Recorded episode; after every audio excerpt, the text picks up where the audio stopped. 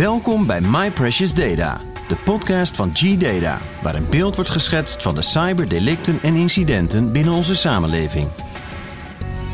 In deze podcast gaan we in gesprek met Eddie Willems, Security Evangelist bij G-Data. Geven we inzicht in de laatste security trends en bespreken we de preventieve maatregelen die genomen moeten worden om cybercrime te voorkomen. Eddie, goedemorgen. Alweer een nieuwe podcast.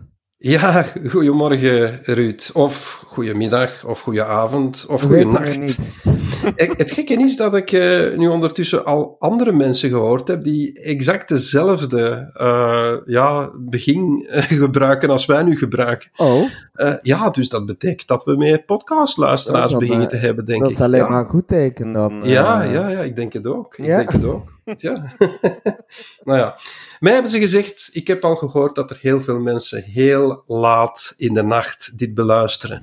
Ja. Nou ja, ik weet niet of dat, dat uh, de, de, de, bedoeling is, maar ja, het maakt nee. niet uit. Nee, Want precies. Die, het zijn altijd goede, interessante onderwerpen, hoop ik althans. Ja. En vandaag hebben we toch ook iets goed, hè? Zeker. Uh, we hebben uh, ook wel een bijzonder uh, onderwerp, want jij hebt een nieuw boek gelanceerd. Ja. en ja, dat is natuurlijk niet iets wat je iedere dag doet of iedere week. Nee, um, nee. Dus ook wel een bijzonder moment. kun je daar wat meer over vertellen? Ja, uh, wel, het boek uh, noemt uh, Het Virus. het is inderdaad dat in coronatijd, bij wijze van spreken, gelanceerd. Denken de mensen natuurlijk dat het over een biologisch virus gaat, maar daar gaat het natuurlijk niet over. Het gaat over een computervirus. Ja. En um, ja, het is mijn eerste fictieboek. Ik heb het niet alleen geschreven, we hebben het met twee personen geschreven. Dus ik heb het samen met Alain Dirks geschreven. Mhm. En het uh, boek is in feite een soort van, ja, een science fiction cyberthriller. Alhoewel, ik noem het een, een soort van uh, cyberthriller voor iedereen. Het is niet dat het cybergedeelte er te erg op ligt. Um, dus dat valt nog wel mee. Dus het is echt een boek voor iedereen bedoeld. Echt die, Ja. iedereen die graag het thrillergenre leest, zou dit moeten uh, uh, interessant vinden. En ja, het speelt zich af in 2034. Oké, Ehm, dus dat is wel echt in de toekomst dan. eh, ja, het zit boordevol elementen, cyberaanvallen in feite. En, en aanvallen die we misschien hier zouden wel eens kunnen bespreken, denk ik. Ja, Um, want eh, wat voor cyberaanvallen verwacht jij in de toekomst? Wel, eh, dat staat dus bijna allemaal ook in het boek. Hè? Ja, dus, dat wel eh, wel. ik kan je verzekeren dat de meeste van de dingen dat, ik, dat we hier bespreken tijdens deze podcast ook in feite in het boek min of meer naar boven komen. En we zien in feite allerlei aanvallen die naar boven gaan komen. En dat gaat van IoT uh, tot de echte pure cybercriminaliteit die natuurlijk stijgt uh, ten volle. Um, en dan cyberwar, ransomware die natuurlijk blijft aanhouden op, op allerlei gebieden. Ja. En de industrie 4.0 komt daar ook bij kijken. En uh, uiteindelijk, en dat is misschien iets wat dat ik nu maar direct ter sprake breng, um, wat, waartoe dat leidt, is, en dat zal je ook zien in het boek, is dat het tot echte slachtoffers leidt. En dat hebben we in feite bijna nog, nog niet gezien. Nee. Wel, we hebben het wel gezien. Um, onlangs is bijvoorbeeld nog um, iemand gestorven in een uh, ziekenhuis in Düsseldorf, omdat er een ransomware was in uh, dat ziekenhuis. En dan moest die patiënt uh, verplaatst worden. En door die verplaatsing is, ja, spijtig genoeg, die patiënt overleden. Dus je zou kunnen zeggen, theoretisch, dat dit het eerste slachtoffer is dat we gezien hebben. Ja. Um, maar, nou ja, het boek gaat echt wel daar ook over, specifiek dan. En um, en dat is ook iets wat dat we wel in de toekomst zullen zien. Ja, spijtig genoeg. Ja, want uh, dus het is eigenlijk niet zo rooskleurig uh, de, de toekomst. Uh, maar kunnen we dan ook meer aanvallen gaan verwachten? Of kijk ja, en, wel, het, het, het, gaat vooral over cybercrime, denk ik. Hè? Mm -hmm. um, dus het, want dat is iets dat we duidelijk zien. En zeker ook tijdens coronatijd hebben we dat ook gezien. En nog altijd. de cybercrime blijft stijgen. Je ziet dat dat niet stopt, dat blijft doorgaan. Um, je ziet duidelijk een verschuiving van de straatcriminaliteit naar, ja, ik zal maar zeggen, de webcriminaliteit. En uh, dat is wat dat je duidelijk merkt. En dat is een groot probleem aan het worden. Je ziet hoge cijfers. Je ziet meer dan bijna 1 miljard aan malware op dit moment, wat ongelooflijk veel is. Ja. Uh, op alle platformen, want mensen denken van, ah, ik heb dit of dat platform, daar heb je geen malware voor. Vergeet het, er is malware voor. zelfs op, ja, zelfs op uh, iOS-toestellen, um, zelfs voor Apple. Um, en dat heeft allemaal te maken natuurlijk dat ja, de dingen allemaal wel wat um, ingewikkelder worden. En ja, je ziet ook wel wat uh, artificial intelligence uh, gebruikt worden in bijvoorbeeld een heleboel van die malware tegenwoordig. En dat leidt ertoe dat uh, het veel interessanter is om inderdaad uh, crime op het web te gebruiken dan in feite op de straat. Trouwens, iedereen is toch thuis, dus dan hebben ze veel groter publiek dan de mensen die op straat lopen tegenwoordig. Ja, want jij geeft aan dat ook verwacht dat ransomware voornamelijk ook gaat toenemen. Ja. Um, hoe, hoe, hoe gaat het dan veranderen, anders worden in de toekomst? Want, ja. ja. Ja, ja, je ziet duidelijk. Wel, er zijn natuurlijk. We moeten wel een beetje onderscheid maken tussen twee soorten ransomware, want mensen vergeten dat soms wel al is. En ik hoor dan ook altijd van: ja, maar uh, bij ons is dat niet zo gebeurd. Ik heb het onlangs nog gehoord bij een hele grote. Uh, uh, nou ja, klant hier. En ehm, ik hoorde zoiets van: wel. Ehm, je hebt in feite wat wij noemen de klik-ransomware, met andere woorden, waar dat je verkeerd klikt, als het ware. Ja. Um, en dat betekent dat je dan uh, oh ja, de verkeerde attachment opent en dat je dan op die manier geïnfecteerd wordt, of dat je daar op die manier een poort openzet, uh, zoals het niet zou moeten. Um, maar je hebt ook wat wij noemen de gerichte uh, ransomware. En gericht is meer dat men gaat zoeken naar de poorten die bij jouw bedrijf of bij jou thuis openstaan. En waar dat men dan tracht te vinden van, goh, hoe langs welke kant, langs welke poort kunnen we dan ook binnen geraken? En dat gebeurt meer en meer. En dan zie je bijvoorbeeld nog een heleboel servers die aan het internet hangen. En um, het is net op die manier uh, dat er dan heel veel aanvallen binnenkomen. Om, om, omdat net die oude servers, en ik vernoem het vooral die oude servers, bijvoorbeeld dan niet gepatcht zijn. En, en dat is het probleem. Um, men vergeet de oude toestellen te patchen, men vergeet die niet te updaten, men denkt van daar komt toch niks uh, op toe en ja, het is net via die weg dat het dan wel binnenkomt. Of men vergeet zelfs gewoonweg nieuwe toestellen te patchen, niet op tijd en, en dan is het hek van de dam. Dus dat zijn die twee soorten ransomwares die er rondgaan. En je ziet dat die ransomware toch wel meer complexer wordt op dat niveau. Vroeger hadden we enkel meer dat klik en uh, dat, dat klikachtig gedoe waar dat de mens volledig uh, voor verantwoordelijk was. En nu zie je ook dan meer dat die gerichte aanvallen meer ingezet worden. Um, maar de mens is ook nog altijd verantwoordelijk, want men vergeet te updaten. Of men heeft dan die poorten opengezet, of men heeft dan het, het, uh, het security-beleid verkeerd in, in, ingezet. Um, ja, je ziet ook dat ransomware as a service meer beschikbaar komt. Uh, dat zie je op het dark web. Ja. Uh, je ziet ook dat uh, de aanvallen op industrie en kritieke infrastructuren toenemen. Daar heb ik straks, daar kunnen we straks wel iets of wat meer op ingaan, maar ik denk dat we dat beter voor straks laten.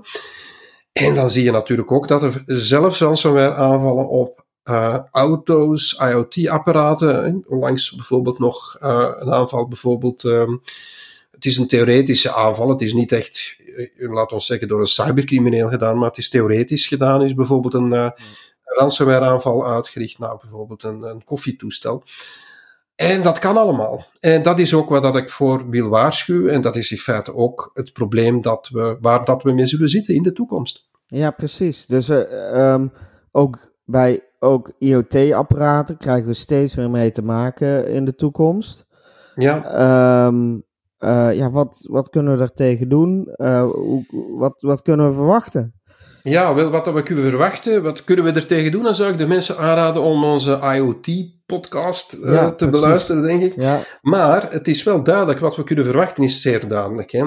Ik geef hier altijd aan, luister naar de eerste wet van Willems staat in mijn boek Cybergevaar. En dat, die luidt, hoe populairder het systeem, hoe meer het zal aangevallen worden. En dat is wat dat we nu beginnen te zien. IoT begint populair te worden. En het wordt ook meer en meer aangevallen. Um, we waren bijvoorbeeld in 2019 uh, eh, hadden we meer dan 26, wel 27 miljard actieve IoT-apparaten. Je moet eens nakijken hoor, dat is pak IoT-apparaten. heel veel, ja. Gartner verwacht dat er in 2030 zo'n 50 miljard zullen zijn. En dat, ik denk niet dat dat overdreven is als je die andere aantallen ziet. Nee. Ja, wel.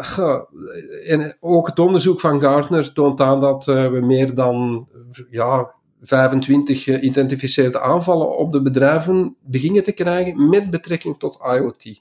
Je ziet dat dat zorgwekkend is natuurlijk. En ja. Dat, ja, dat, is een, dat is een probleem aan het worden. Ja. ja. Want uh, ja, dat gaat natuurlijk veel complexer worden. Als er steeds meer uh, IoT-apparaten bijkomen en heel veel andere soorten apparaten. Uh, wel, ja. Ja, ja. Wat, wat kunnen we er tegen doen? Ja, wel, goh complexer, ik, ik zou dat. Uh, ze kunnen complex worden, ik zal het zo zeggen. We hebben inderdaad gezien, en het is theoretisch mogelijk om, en wat dat ik hier zeg is, toont als, nou, luistert als science fiction, maar het zou kunnen, is dat je met een laserstraal wil degelijk bijvoorbeeld een, um, je, laten we zeggen, je smart speaker bijvoorbeeld kan beïnvloeden of kan inderdaad dingen laten doen wat jij zou willen laten doen. Dat is ondertussen aangetoond, van op afstand natuurlijk. Hè? Ja. Dus dat kan. Maar dat noem ik de moeilijke weg. En de cybercriminelen kiezen altijd de gemakkelijke weg. En waar wij nog altijd een probleem mee hebben op dit moment, is dat vooral de security by design bij IoT-apparaten nog altijd ver weg is. Ja. Er is al een goede vorm. We zien wel dat er verbeteringen zijn, maar het is nog niet zoals het moet. Um, je ziet bijvoorbeeld dat administratorpaswoorden nog niet altijd moeten gewijzigd worden in de toestellen, uh, of dat men toch voor gemakkelijke paswoorden kiest. Men ziet bijvoorbeeld dat er geen uh, twee-factor authenticatie automatisch ingeschakeld staan. Ik, ik vind dat een, een noodzakelijkheid aan het worden, zeker voor IoT-apparaten, want het is toch alsmaar meer gevaarlijker. Uh, een zeer goed voorbeeld is, laten we zeggen, eh, zijn de Ring, uh, smart deurbellen en, en de, de camera's die bijvoorbeeld precies gehackt waren uh, verleden jaar. Maar dat was natuurlijk niet het geval. Het probleem was gewoonweg dat er veel mensen hun oud wachtwoord gebruikten, dat ergens op een site van het dark web stond en dan heeft men dat terug herbruikt. En dan heeft men, en de, de, cybercriminelen hebben dat teruggebruikt en hadden zo toegang tot de camera's. Um, ja. Dat is dus niet altijd zo complex. Maar het kan. En nou ja, het feit Ja. dat het kan, is in feite geen goede zaak. Nee. Ja. Ja, want, want, want er zal, eh, ja, eh, ook, ook eh, het komt ook gewoon steeds meer voor natuurlijk in het maatschappelijk leven. Denk aan smart cities. Ehm, Ja. ja is een stad dan nog wel veilig met al die IoT-apparaten? Ja, is, een, is inderdaad een stad nog veilig met al die IoT-apparaten? Dat is een zeer goede vraag. Dat heb ik ook gebruikt in feite in, in mijn boek. Ja, Ehm, waar dat je dus inderdaad aanvallen ziet op smart cities. Ehm, smart cities in feite ja, zo spectaculair eh, eh, verschillend als wat we nu hebben, is dat niet echt. Het zijn gewoonweg dingen die op elkaar afgesteld zijn. Het zijn verkeerslichten die op elkaar afgesteld zijn. Het zijn eh, ja, bruggen of zo die open en dicht gaan. Dat hebben we nu al allemaal. Ehm, het zijn andere dingen die inderdaad met elkaar coördineren. En dat is een smart city natuurlijk. Ehm, dat kunnen waterleidingen zijn met sensoren. Dat kunnen gezondheidscentra zijn die met IoT verbonden zijn. Het zijn die dingen natuurlijk die onder vuur gaan liggen. Ehm, en het is natuurlijk vooral de infrastructuur eh, die dat dan ja, gevaarlijk is en die dus inderdaad een die kwetsbaar is. Hè. Ehm, en of dat die kwetsbaar is, dat, daar kom ik zo dadelijk nog wel op, daar ga ik straks op komen. Maar ehm, ja, het, het, het, het blijft wel wijzigen, maar we zien dat dat toch wel een zeer probleem zou kunnen stellen in de toekomst. Ehm, vooral omdat het een dynamisch en een complex landschap is. Hè. Het is niet iets, zoiets koppel je, dat zijn stukjes dat je koppelt. En er moet maar één ding verkeerd gaan met die koppeling en, en het kan verkeerd lopen. Dat is ook de reden waarom dat we meer en meer aanvallen beginnen te zien op infrastructuur. En ook in meer en meer ransomware aanvallen beginnen te zien op die infrastructuur. net om te zien van hoe ver kunnen we gaan? Kunnen we iets ja, gebruiken uh, of misbruiken en, en zullen we dat dan kunnen gebruiken misschien in een volgende aanval? En, en, en dat is wat dat we meer en meer beginnen te zien uh, op allerlei vlak. Of dat dat nu van overheden komt, of laat ons zeggen hackersgroepen of uh, criminelen die gerelateerd zijn aan overheden, dat laat ik voorlopig in het midden. Maar je ziet dat er duidelijk wel wat meer aan het bewegen is dan wat dat er vroeger aan het bewegen was. En dat komt gewoon omdat we in een gekoppelde maatschappij zitten. Ja, precies. Oké, en um, ja, dan krijgen we straks ook natuurlijk hele aanvallen op steden. En uh, kritieke infrastructuren. Uh, eigenlijk een soort cyberwarfare zou je bijna kunnen zeggen. Ja, ja wel, ik zou zeggen, er zijn heel veel voorbeelden hè, van die zogenaamde cyberwar. We hebben te veel films en boeken gelezen, dat kan natuurlijk ook. Ja, wel, er zijn mensen die dat, al die aanvallen ondertussen beginnen te zien als een cyberoorlog. En daar heb ik het moeilijk mee. Uh, ik heb dat ook ooit gesteld, maar dat was dan wel zeven jaar geleden, in mijn boek uh, Cybergevaar, dat uh, cyberoorlog in feite niet echt bestaat op dit moment. Nu moet ik wel zeggen, dat was zeven jaar geleden. Er is ondertussen wel wat gewijzigd. Um, ik, ik vind dat we toch nog echter altijd in een soort van, een, een soort van cyberkoude oorlog meer zitten. Zo zou ik het meer noemen. Koude oorlog.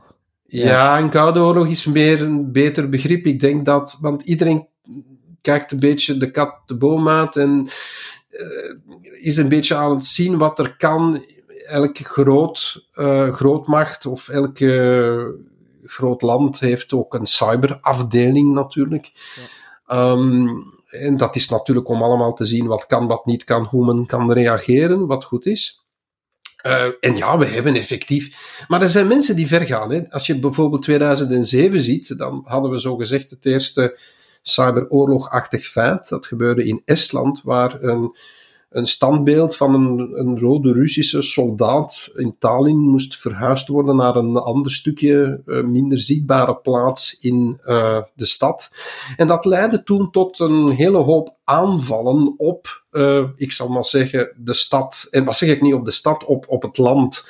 Want je zag dat dan uh, DDoS-aanvallen kwamen naar boven. Je zag dat bepaalde websites, uh, overheidswebsites niet meer beschikbaar waren. Je zag dat bepaalde dingen niet werkten meer. Dit wordt dan zien als de eerste cyberoorlogfeit. Nu, ik vind dat niet. Um, ik, ik, ik vind dit nog altijd.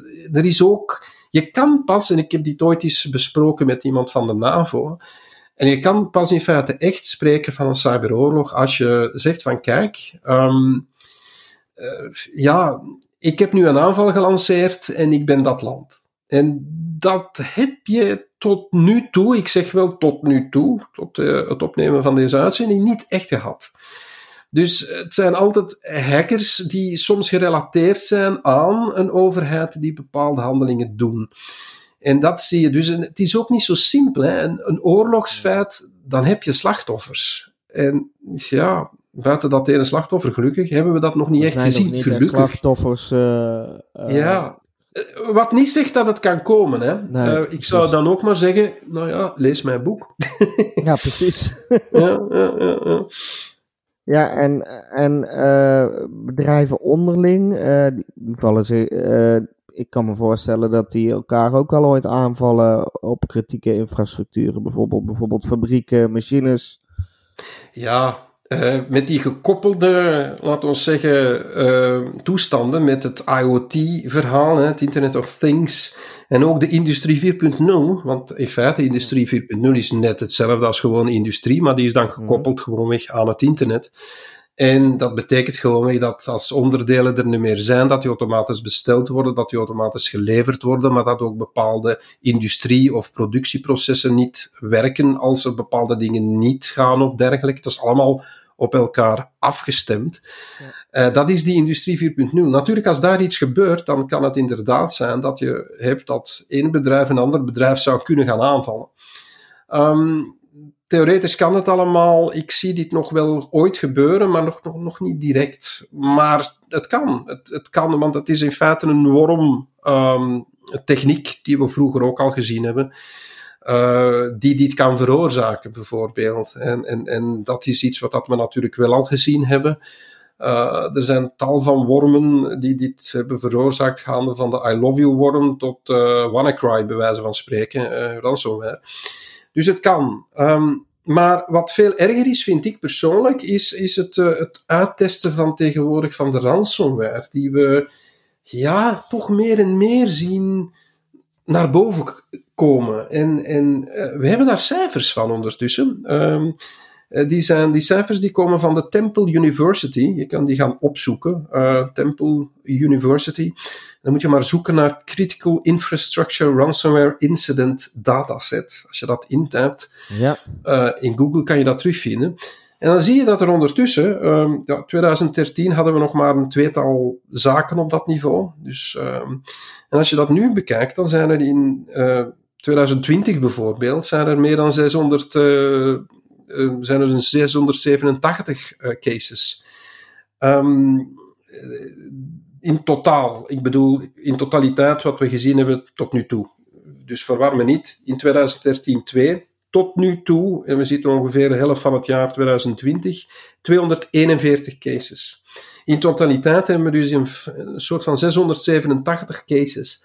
Nu kan je zeggen van ja, dat is normaal, want we zien overal ransomware, we zien dat overal toenemen. Ja, maar als je dat ook ziet in die typische infrastructuurgevallen, uh, uh, en dat gaat dan over uh, governmental facilities, dat zie je op de healthcare, dat zie je echt op kritisch, kritische productie, mm-hmm. dan is dat er over, hè, dan zou dat niet mogen. En dan zie je toch grote verschillen. dan zie je ook dat die aanvallen beginnen te vermeerderen. Um, je ziet dat die aanvallen langer beginnen te duren. dus die frequentie gaat omhoog. De ransom gaat omhoog. Uh, meestal vraagt men iets van 50.000 dollars of euro. Er zijn gevallen ook van meer dan een miljoen euro. Mm 31 gevallen meer dan een miljoen euro. Dat is echt wel de moeite. Um, nou ja, en, en als je dan echt kijkt naar de, naar de incidenten zelf, ja, dan zie je toch dat er ook wel wat uh, typische namen naar boven komen, zoals Maze. WannaCry of de WannaCry string wordt nog steeds ook gebruikt, heel raar. Ryuk, uh, Sodinokibi, uh, Samsam, uh, nou ja, dat zijn er allemaal die gebruikt worden in aanvallen naar, um, dus ransomware aangevallen naar die kritische infrastructuur. Die zijn geen goede zaken, want dit kunnen mogelijke testen zijn om mogelijk meer te doen. En nu is het, gaat het misschien over geld, maar misschien is het later over nog veel meer. Um, natuurlijk, bij cybercriminelen draait het meestal om geld. En um, is het gelukkig tot dat nog wat terug te brengen. Maar het kan natuurlijk veel ergere gevolgen hebben dan gewoon weer geld als alles zou uitvallen natuurlijk op een bepaald moment. En laat ons hopen dat dat nooit gebeurt. Ja, precies. Nou, um, ja, we hebben eigenlijk wel enkele aanvallen eigenlijk uh, besproken die ook al terugkomen in je boek. Um, even terug te komen op je boek. Uh, is het nou fictie of is het nou gewoon keiharde realiteit? Wel, eh, laten we zeggen, de eerste recensies van de mensen die het lezen, die zeggen mij van kijk, in feite zijn het allemaal dingen die kunnen. Um, mm-hmm. Dus de, het, het boek is in feite, ja, als je het nu leest, dan ga je misschien denken van ja, ha, het kan, het kan allemaal. Um, dus het zou realiteit kunnen zijn. Het, het is enkel nooit zo gebeurd of nooit uitgevoerd op dit niveau. En het is natuurlijk nooit uitgevoerd zoals het er in feite in het boek uitziet, vandaar natuurlijk de fictie.